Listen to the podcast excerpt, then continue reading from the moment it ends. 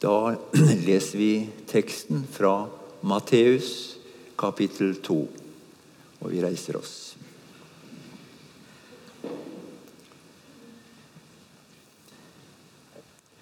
Da Jesus var født i Betlehem i Judea på den tiden Herodes var konge, kom noen vismenn fra Østen til Jerusalem og spurte:" Hvor er jødenes konge, som nå er født? Vi har sett stjernen hans gå opp, og vi er kommet for å hylle ham. Da kong Herodes hørte det, ble han svært urolig, og hele Jerusalem med ham. Han kalte sammen alle overprestene og folkets skriftlærde og spurte dem ut om hvor Messias skulle bli født. I Betlehem i Judea, svarte de, for slik står det skrevet hos profeten.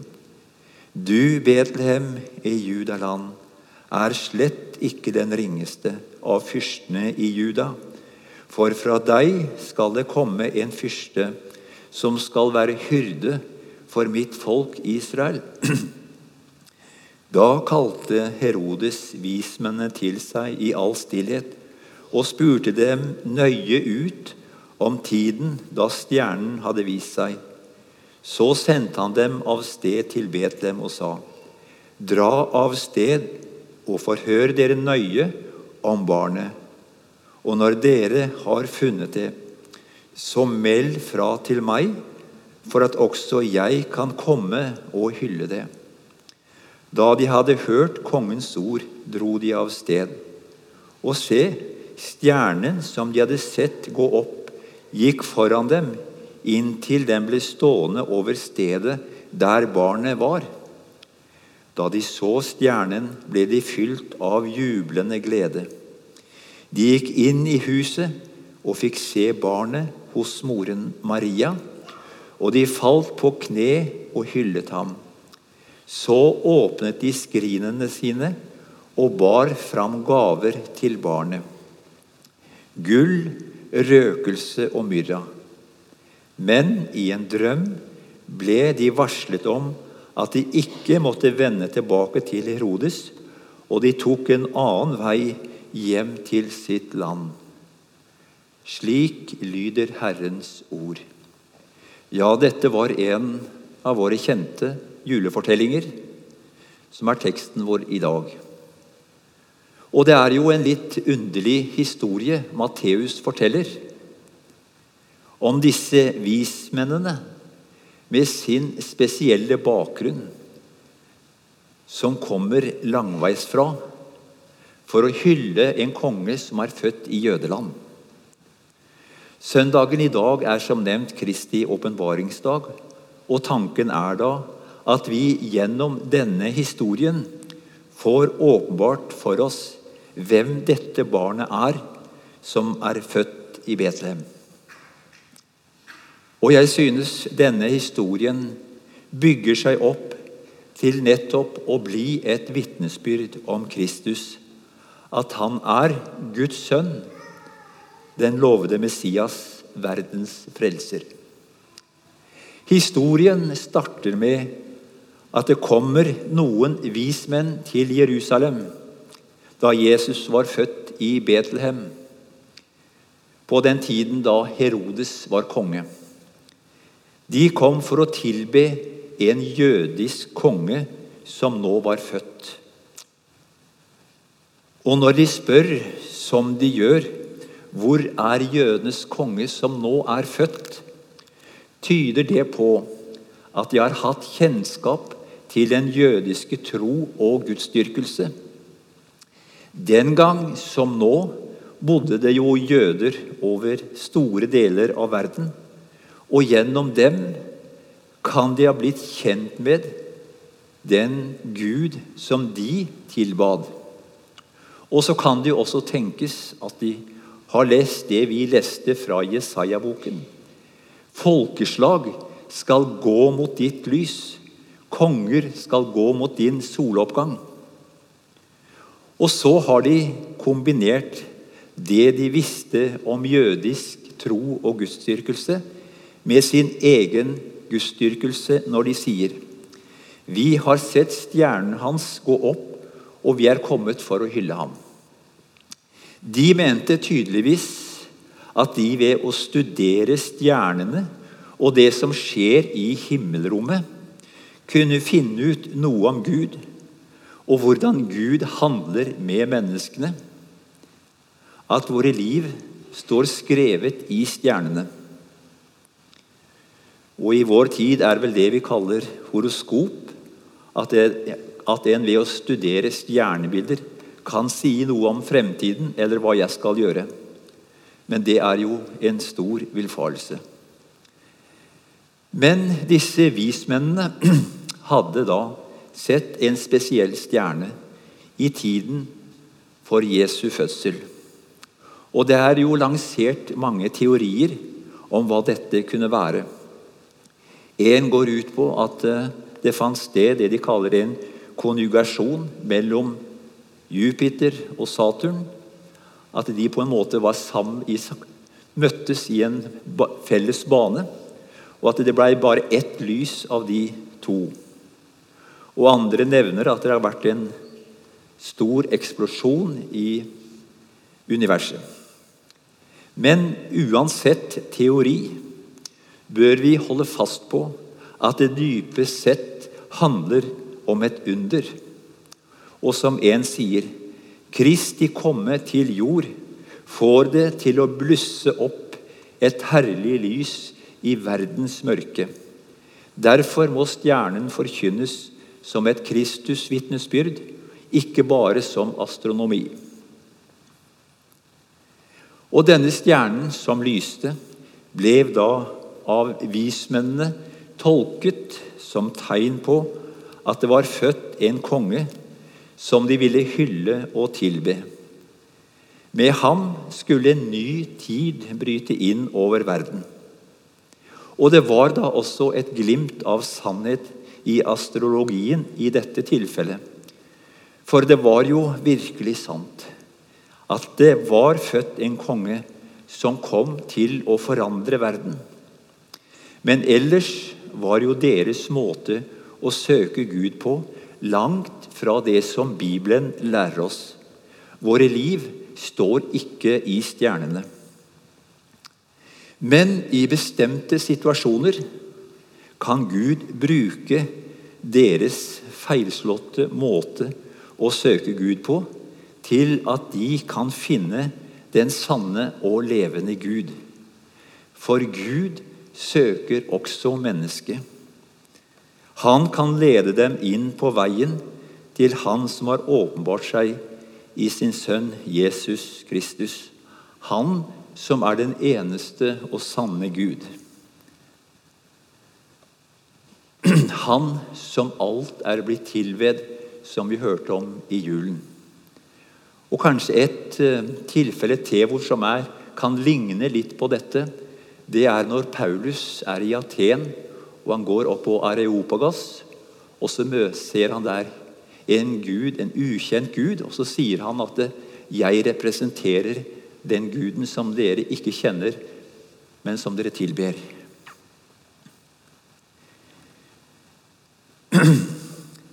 Den gang da vismennene eh, kom, var det neppe noen som ikke regnet med at det var én gud eller flere guder som sto bak alt. Når noen i dag hevder at alt er blitt til av seg selv, er det av nyere dato.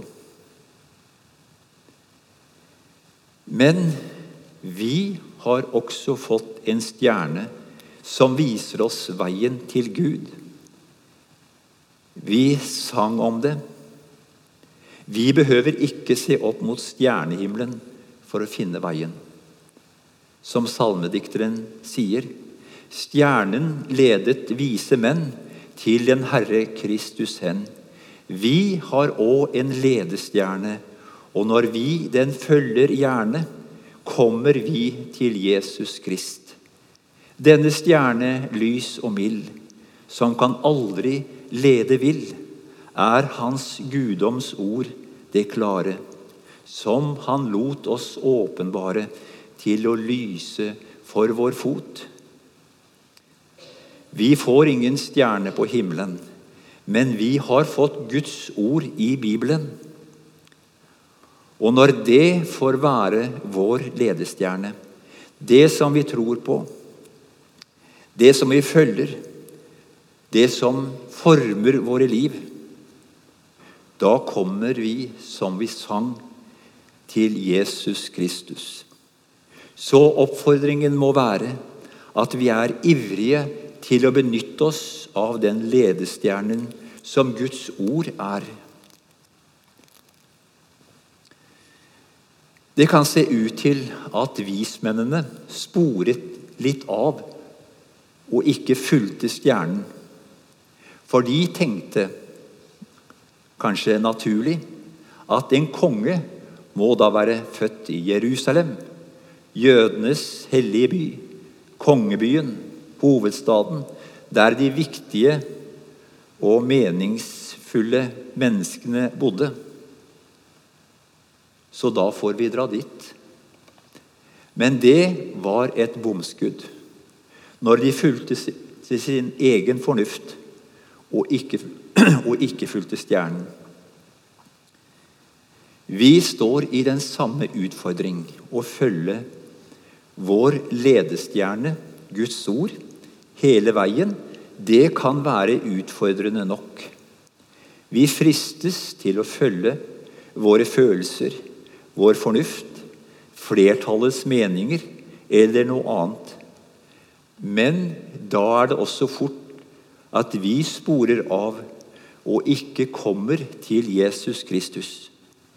Så vi må hele tiden la Guds ord, slik det er gitt oss i Bibelen, være styrende for våre liv.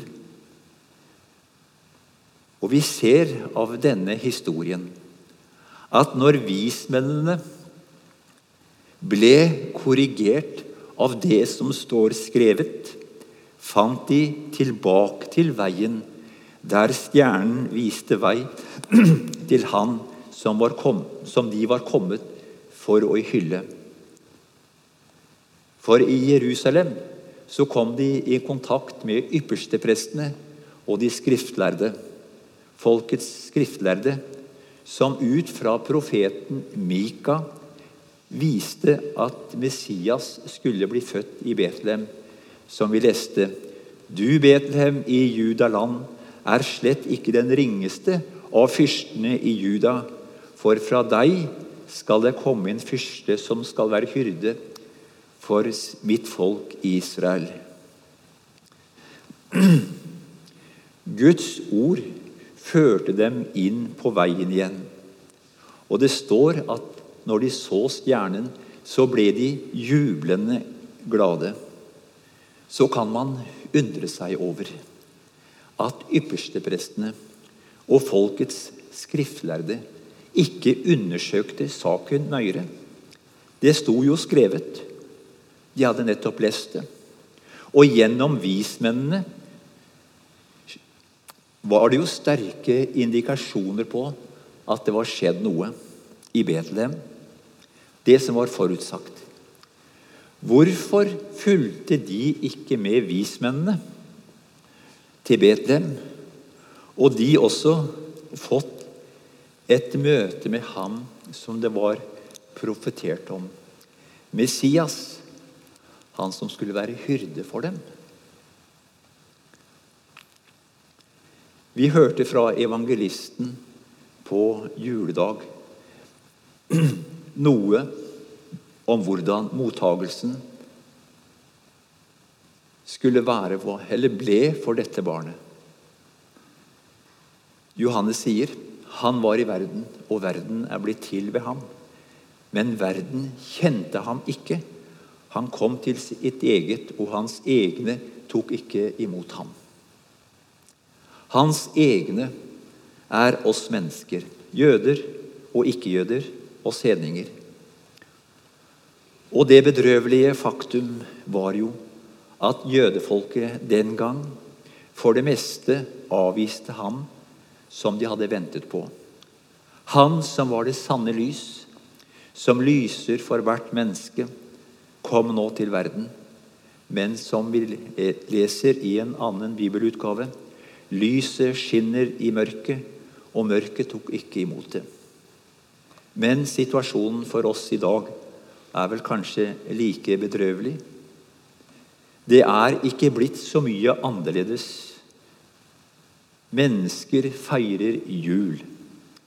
Og en kunne jo tenke at en høytid som setter så sterke spor i ukene før jul Hele desember så er julehøytiden markert. Og en kunne tenke at noe som er så synlig i samfunnet, kunne få flere til å spørre hva er egentlig dette? Hvorfor feirer vi jul? Og de fleste mennesker har vel mer eller mindre en forestilling om det med Jesus. Men de lar det være med det. Det enkleste er å holde det litt på avstand. Og nå kan vi spørre oss selv Vil du og jeg slå følge med vismennene helt fram til der Jesus er? Eller stopper vi litt før vi kommer helt fram? Det er kanskje best med litt avstand. Frykter vi for at vi mister kontrollen over våre liv og tilværelsen? Som er fylt opp av velstand, trygghet, som gir oss mulighet til å leve et sorgløst liv her i verden. Men vi bør overhodet ikke være redd for å komme helt fram til der Jesus er. Hans tanke er jo ikke å gjøre livet vanskelig for oss, men få være vår følgesvenn gjennom livet og få oss frelst hjem til seg. Og det er klart det vil medføre noen nye valg og prioriteringer.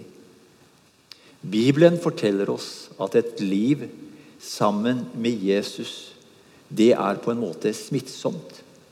Det liv han levde, det blir modell for våre liv. Og det vismennene gjorde, tok denne lange og slitsomme reisen som det må ha vært. Det viser at det ingen anstrengelser skal hindre oss i å komme til Jesus. Den gangen så var det ikke bare å sette seg på et fly og være framme om noen timer. Når de så stjernen der hjemme i det landet de bodde, så kunne de ha tenkt og sagt til hverandre Nå er det født en konge i Jødeland. Mon tro hvordan det blir med ham? Og så latt det være med det. Og det er kanskje der de fleste mennesker er i dag. De har hørt noe om Jesus og lar det være med det. Vismennene ville ikke la det være med det.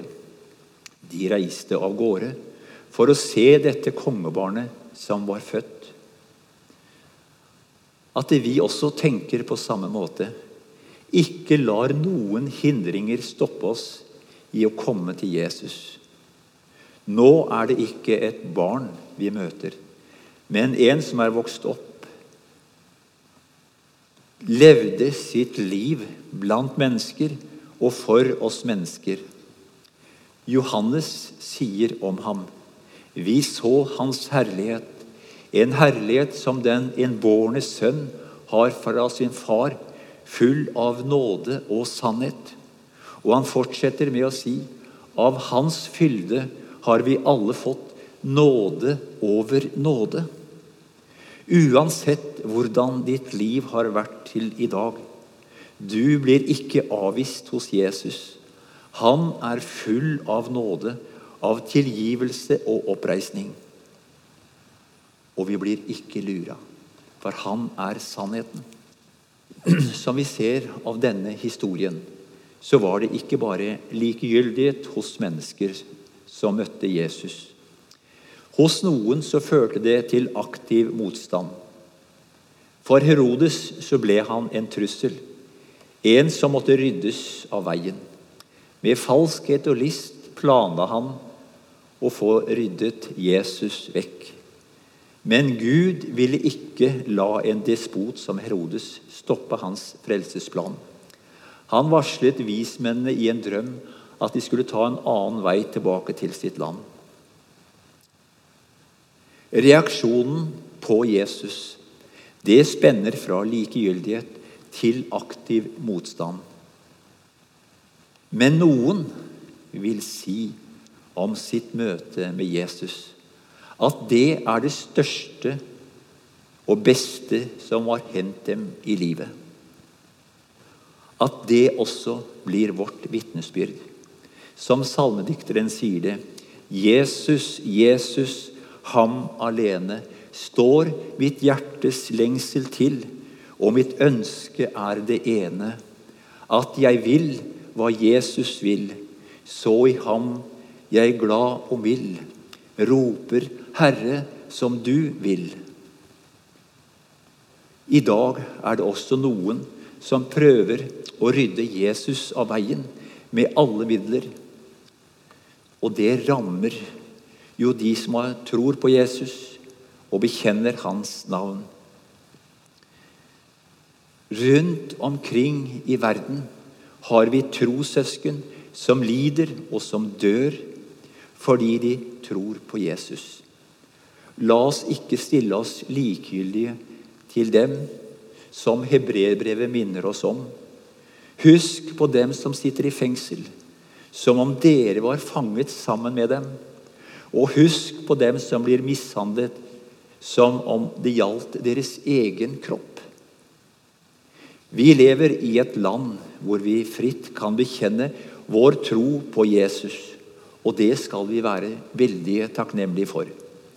Men vi merker at klimaet for å holde fram kristen tro og etikk er blitt betydelig mer krevende. Skarpe og fiendtlige uttalelser møter de som i det offentlige rom sier det som Bibelen sier. Jesus har forberedt oss på at hans disipler, hans venner, vil kunne møte motstand og forfølgelse. Vår bønn må være at Gud gir oss frimodighet til å være åpne om det vi tror på, når det kreves. I møte med Jesusbarnet faller vismennene på kne og hyllet ham. Og I noen utgaver står det også 'tilba ham', og at de gav gaver. Og jeg tror at under reisen hadde Gud gitt vismennene en enda klarere forståelse av hvem dette barnet var. For det er bare én som har krav på vår tilbedelse, og det er Gud.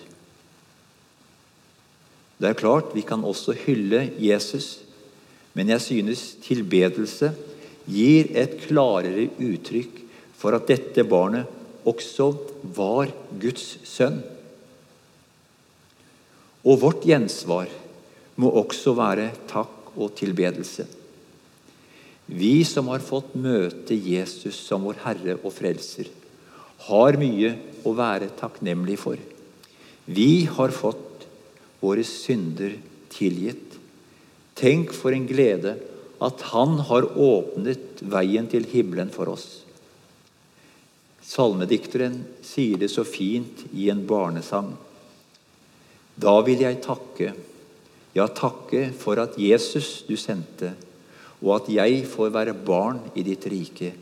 Ja, mest av alt vil jeg takke for at Jesus du sendte, og at jeg får være barn i ditt rike. Vismennene kom med gaver til Jesus. Den beste gaven du kan gi til Jesus, er deg selv. At du legger ditt liv i hans liv. Og da blir du i sannhet rik. En rikdom som varer inn i evigheten. Ditt gull, dine penger, skal du bruke til å støtte det arbeidet som bringer budskapet om Ham som kom til oss ved frelse og framtid, til andre. Det vil glede Guds hjerte. Og det bibeloversettelsesarbeid som dere i menigheten skal være med på, er jo sentralt i misjonsarbeid. At mennesker får Bibelen på sitt eget språk. For som vi har vært litt inne på, det er ordet som leder oss til Jesus. Det er vår ledestjerne. Og at også andre får denne ledestjernen som leder til Jesus. La oss være takknemlige. At vi takker og tilber Han som er kommet til oss. At det ligger på vårt hjerte. Slik som det gjorde for disse vismennene. Amen. Hellige Far, hellig oss i sannheten. Ditt ord er sannhet. Amen.